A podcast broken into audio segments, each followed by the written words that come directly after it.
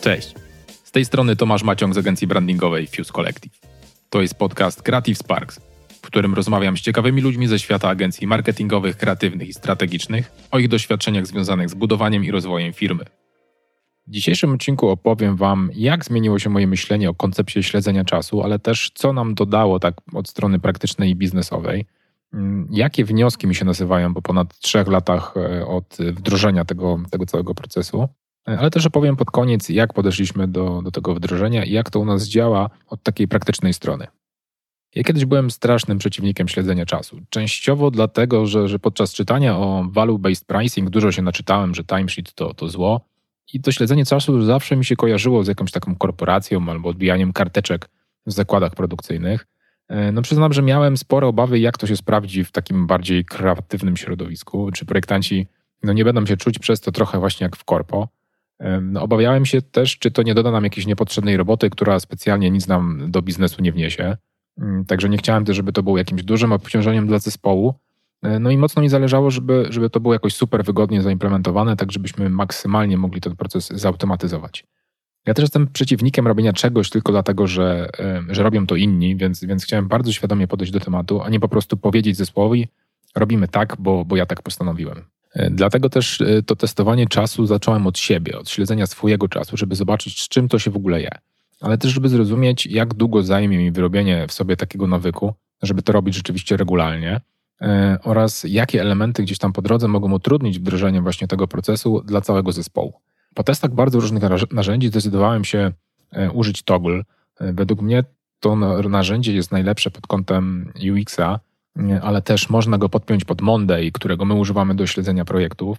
Więc z automatu rozwiązuje to sporo bolączek, a przede wszystkim e, Toggle aktywnie wspiera podczas e, wyrabiania sobie takiego nawyku śledzenia czasu.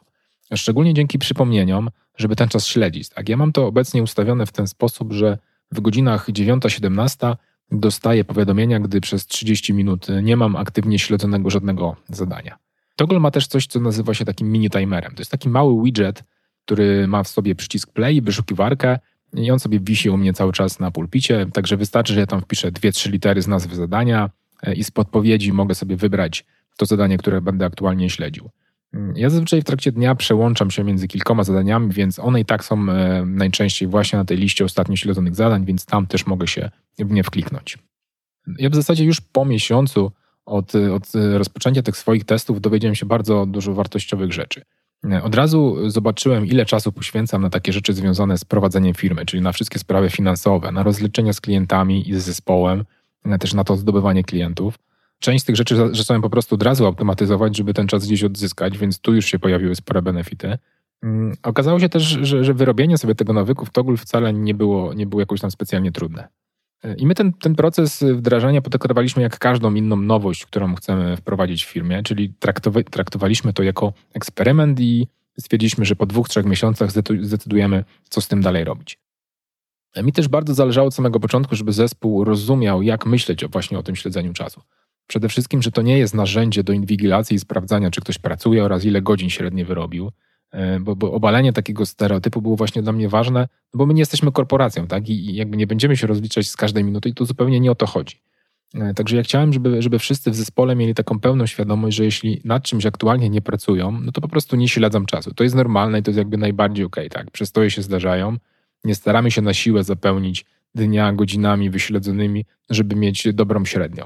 Ale to też fajnie po czasie widać e, w danych liczbowych, no bo, bo taka średnia czasu pracy do naszego zespołu to jest około 5 godzin dziennie. Różnie to rzeczywiście wygląda e, w rozbiciu na osobę, czy projekt, czy, czy dany, dany okres, ale widać, że, że daleko nam do, do takich demonów korpo i 8-godzinnego dnia pracy.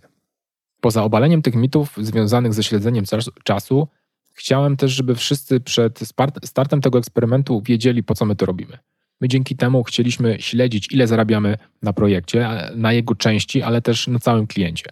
E, te dane archiwalne miały nam też pozwolić na trafniejsze estymacje, które są podstawą naszych wycen. Także w konsekwencji po prostu chcieliśmy zarabiać więcej. Mm, te dane miały też nam posłużyć właśnie do bardziej e, dokładnego wyliczenia takiej bazowej stawki godzinowej, czyli takiej, poniżej której nie powinniśmy schodzić, bo po prostu zaczynamy tracić na, na danym projekcie do wyliczenia tej stawki potrzebna jest właśnie taka realna wydajność, czyli tak średnio ile godzin jesteśmy w stanie dziennie spędzić pracy, przy pracy nad klientami. To, jak obliczyć tą stawkę, pokazałem w, w bonusowym wideo, które jest na YouTube. Znajdziecie też link do niego w notatkach do odcinka. Tam, tam też jest taki formularz Google, który pozwa, pozwala obliczyć sobie tą stawkę samodzielnie. Wracając do śledzenia czasu, my też tych danych potrzebujemy dla klientów, z którymi się rozliczamy godzinowo, ale też one są przydatne tak wewnętrznie w rozliczeniach takich naszych, gdy na przykład współpracujemy z firmą na zasadach B2B, to też powinniśmy znać tą ilość przepracowanych godzin e, dla naszych współpracowników, żeby móc potem udowodnić, tak, że nikt nie pracuje nas poniżej stawki minimalnej.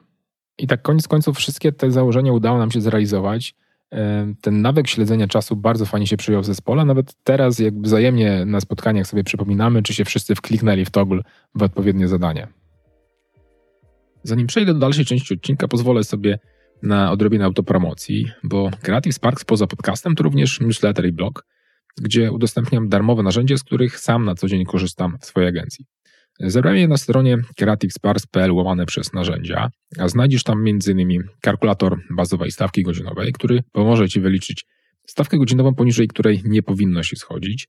Jest tam też przewodnik dla kreatywnych po content marketingu, który pokazuje case study, jak my w agencji doszliśmy do około 200 zapytań rocznie właśnie dzięki content marketingowi.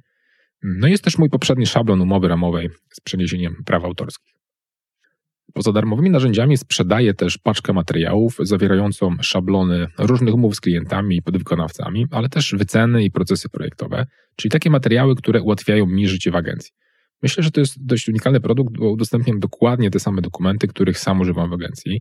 Także wszystko powstało na bazie realnych projektów, no i też zostało przetestowane z naszymi klientami. Paczka ma aktualnie dwa pakiety dla agencji lub dla freelancera i znajdziesz ją pod adresem creativesparks.pl łamane przez umowy. I to było tyle autopromocji, więc wracamy do tematu odcinka.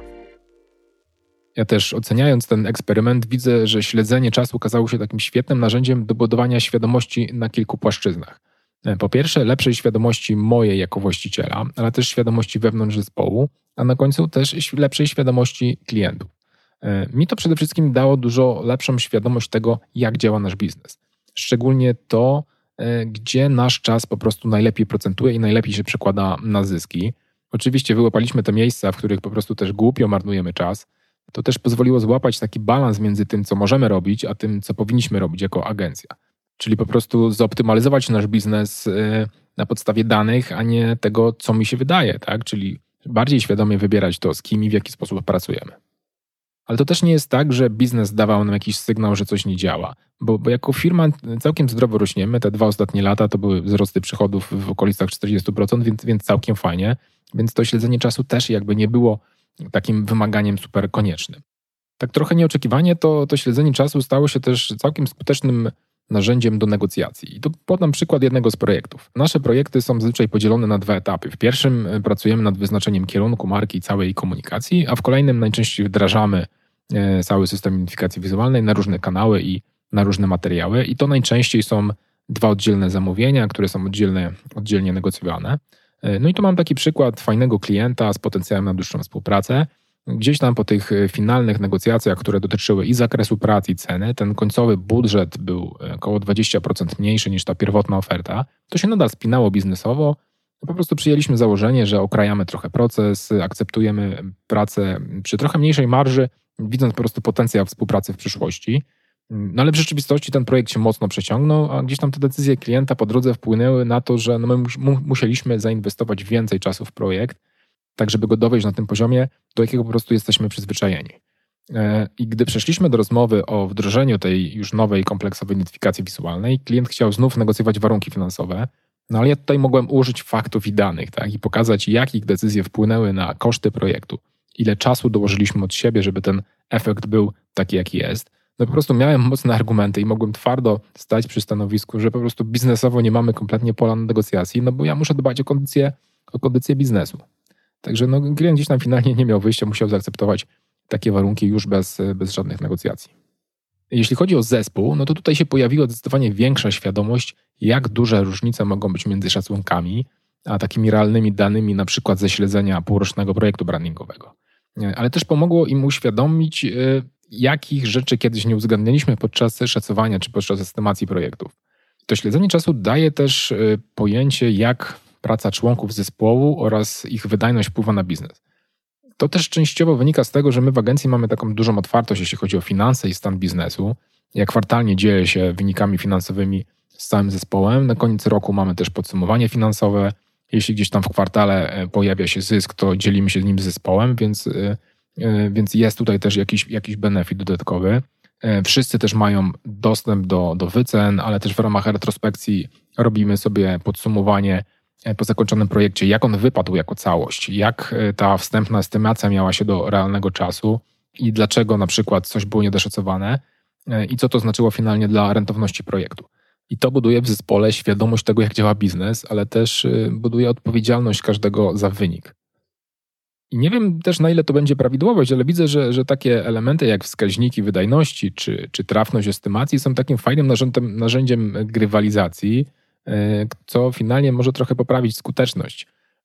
Dla przykładu, Robert, nasz web designer, w jednym z, ostatnich projektów, już w trakcie projektu chciał znaleźć statystyki, jak wypada ten realny czas pracy według tego, co on sobie na początku wyestymował. Niestety na razie te dane nie są jeszcze dostępne dla wszystkich w czasie rzeczywistym, bo ja je zbieram ręcznie po projekcie z uwagi na to, jak mamy toggle zaimplementowane, no ale docelowo to się będzie działo samo. O tym też, jak, jak działa ten cały system śledzenia, powiem e, pod koniec odcinka. Jeśli chodzi o klientów, to śledzenie i raportowanie czasu uświadami, na co idzie ten cały czas oraz dlaczego projekty kosztują tyle, ile kosztują. Ale też jakby daje im taką świadomość, jak ich decyzje wpływają na budżet projektu. To oczywiście dzieje się tylko w scenariuszu, gdy rozliczamy się z klientem za rzeczywisty czas pracy. No ale no tu dzięki temu mogę jasno pokazać na przykład, że budżet projektu puchnie, no bo dwa razy więcej, więcej czasu spędzamy na poprawki, no po nie do końca przemyślanych decyzjach. I to się zdarzało, że klient miał jakieś refleksje, że w pewnych obszarach można popracować inaczej, tak żeby nie palić po prostu zbędnych godzin. Po tych trzech latach od wdrożenia śledzenia czasu mam już kilka takich istotnych wniosków. E, po pierwsze, musimy bardziej świadomie podchodzić do tego, jak wykorzystujemy swój czas na pewnych etapach procesu. Ta świadomość pchnęła nas do, do optymalizacji e, etapu kreacji i tego, jak wyznaczamy kierunek. Zauważyliśmy, że tam mamy najwięcej problemów z trzymaniem projektów w ryzach e, i bez względu na to, ile czasu sobie na to zaplanujemy, i tak go będzie za mało. I tak prezentacja dla klienta będzie powstawała na, na ostatnią chwilę tuż przed spotkaniem. Ale są gdzieś tam w środku takie aktywności, w które wkładanie większej ilości czasu po prostu nie przyniesie lepszego efektu. Także po jakimś czasie po prostu gdzieś tam się pojawia ten efekt malejących zysków. Tutaj świetnym przykładem może być desk research, czyli po prostu szukanie konkretnego rodzaju informacji, na przykład w internecie czy, czy w jakichś raportach. No i u nas na etapie diagnozy, gdzie poznajemy klienta i oswajamy się z, z tą nową, często dla nas kategorią, e, robimy analizę otoczenia rynkowego i kategorii. No i tam można spędzić tydzień, można spędzić dwa tygodnie przeglądając to, jak dane organizacje się komunikują w różnych punktach styku. Ale tak naprawdę jednym z ważniejszych celów tego etapu jest wyłapanie pewnych schematów komunikacji, tego jak się pozycjonują firmy i czym się wyróżniają. Gdy wiem, ile czasu poszło na ten etap, to podczas retrospekcji po projekcie mogę się zastanowić, czy po włożeniu tego całego czasu miałem wszystko, czego potrzebowałem, biorąc pod uwagę właśnie ten cel. I to mi pomaga bardziej świadomie podejść do tego tematu, planując kolejne tego typu um, researche. Drugim przykładem może być etap, gdy mamy już wyznaczony kierunek strategiczny marki. To jest taki moment, w którym mamy ze sobą jakąś wstępną ideację pod kątem e, egzekucji tego kierunku, a projektanci mają też e, taką fazę inspiracji. I sami wiecie, jak można popłynąć, przeglądając różne projekty na Behance. E, I gdzieś tutaj trzeba znaleźć złoty środek między tym włożonym czasem w, w to poszukiwanie, a efektem końcowym, czyli tym zainspirowaniem się. I mając dane, łatwiej wyciągać wnioski. Tak? I przez ostatnie lata sporo eksperymentowaliśmy z, z, naszym procesem, również z tym, jak wygląda ta cała faza inspiracji. I to wszyscy wyraźnie widzieli, że, że po prostu po jakimś czasie ona nie wnosi do, do projektu zupełnie nic nowego. Kolejnym wnioskiem jest to, że dzięki danym mam też takie szersze spojrzenie na proces z góry i możemy go lepiej dopasować do rodzaju klienta i jego budżetu. E, wiedząc to, gdzie i na co idzie czas, mogę lepiej wyceniać e, kolejne etapy projektu, ale też e, całość projektu. I tu, tu dobrym przykładem może być etap eksploracji i szukania kierunków. Mm, świadomość czasu pozwala nam tutaj zoptymalizować to, ile wysiłku wkładamy na każdym etapie, właśnie pod kątem też celu, który chcemy osiągnąć. Mm, dla nas ten etap jest, jest trochę taką e, przymierzalnią. Tak? My chcemy e, na końcu pokazać klientowi tak dużo, żeby on na podstawie tego, co zobaczy, mógł ocenić, e, czy się dobrze czuje w tym nowym ubraniu. Nie tylko wizualnym, ale też takim ogólnie komunikacyjnym w zależności od typu klienta, ale też od jego obiegłości marketingowej, e, często też od umiejętności takiego myślenia abstrakcyjnego, możemy tu spędzić niewiele czasu, na przykład pokazując tylko moodboard, jakieś bardzo wstępne szkice i spędzić na tym maksymalnie dwa tygodnie, e, ale też możemy przygotować bardzo dopiętą na ostatni guzik prezentację, gdzie mamy dwa, trzy koncepty marki, które są oparte o różne pozycjonowania, mają różne hasła, mają różne kierunki wizualne. No i takie podejście może potrwać u nas od dwóch do czterech tygodni. No i to siłą rzeczy się przekłada na dużo większą inwestycję. No i dla mniejszych klientów to może być już spora bariera wejścia.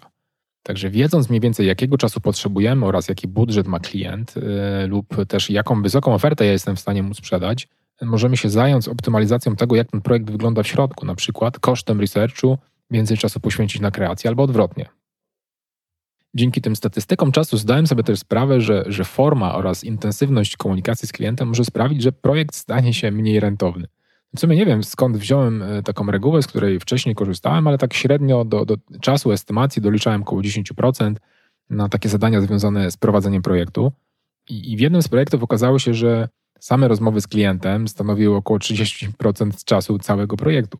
To był taki projekt, w którym pracowaliśmy nad ofertą sprzedażową, czyli bardzo ważnym elementem e, dla każdego klienta. No i pierwotne założenie było takie, że dostajemy komplet treści od klienta. No i dostaliśmy, ale okazało się, że musimy wspólnie z klientem mocno podpracować nad merytoryczną częścią e, tej komunikacji. No i to finalnie działo się na, na wielu długich, e, ponad dwugodzinnych sesjach, w których dwójka projektantów wspólnie z klientem budowała ten model treści tak naprawdę od podstaw, na podstawie tego, co już mieliśmy, do każdej strony oferty sprzedażowej. No i tutaj po fakcie, jak mam te dane, mogę się zastanowić, czy rzeczywiście na tych spotkaniach musiały być z naszej strony dwie osoby, ale też w przyszłości trochę lepiej planować całą tę komunikację, ale też zakres pracy. Dzięki danym zrozumiałem też, że e, luka doświadczenia związana z wykonywaniem jakiejś czynności pierwszy raz może istotnie wpłynąć na, na wydajność projektanta. E, wracając trochę do, do researchu, bo pozorom zrobienie dobrego researchu, na przykład otoczenia rynkowego, to nie jest łatwe zadanie. Ja się przekonam o tym, gdy chciałem oddać część odpowiedzialności do projektantów właśnie za, za ten obszar. E, ja sobie jakby zdawałem sprawę, że, że bez jakichś konkretnych wytycznych, ale też bez ukierunkowania i sparametryzowania tego researchu, no można w tym mocno popłynąć. Mm, także ja starałem się mocno opisać i wytłumaczyć, jak ja do tego wcześniej podchodziłem. No ale i tak gdzieś tam przy tym pierwszym podejściu, coś, co mi zajęłoby maksymalnie trzy dni, to, dwie osoby robiły to w sumie pięć i po drodze ja też się musiałem w to zaangażować, więc widać tutaj ten, ten błąd estymacyjny był bardzo duży.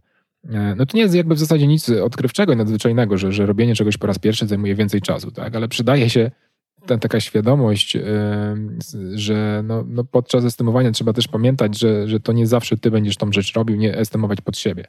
No i to, to też było właśnie kolejnym wnioskiem, wnioskiem do śledzenia. U nas się to przełożyło na zmianę podejścia do tworzenia estymacji i takie aktywne włączenie do tego projektantów.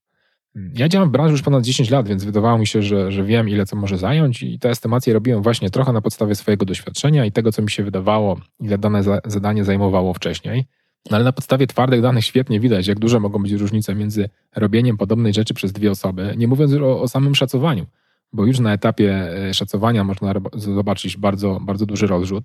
Ostatnio u nas każda estymacja jest zrobiona przez projektantów. Ja je weryfikuję i, i staram się zrozumieć, e, jakie założenia płyną z tych z tych wycen.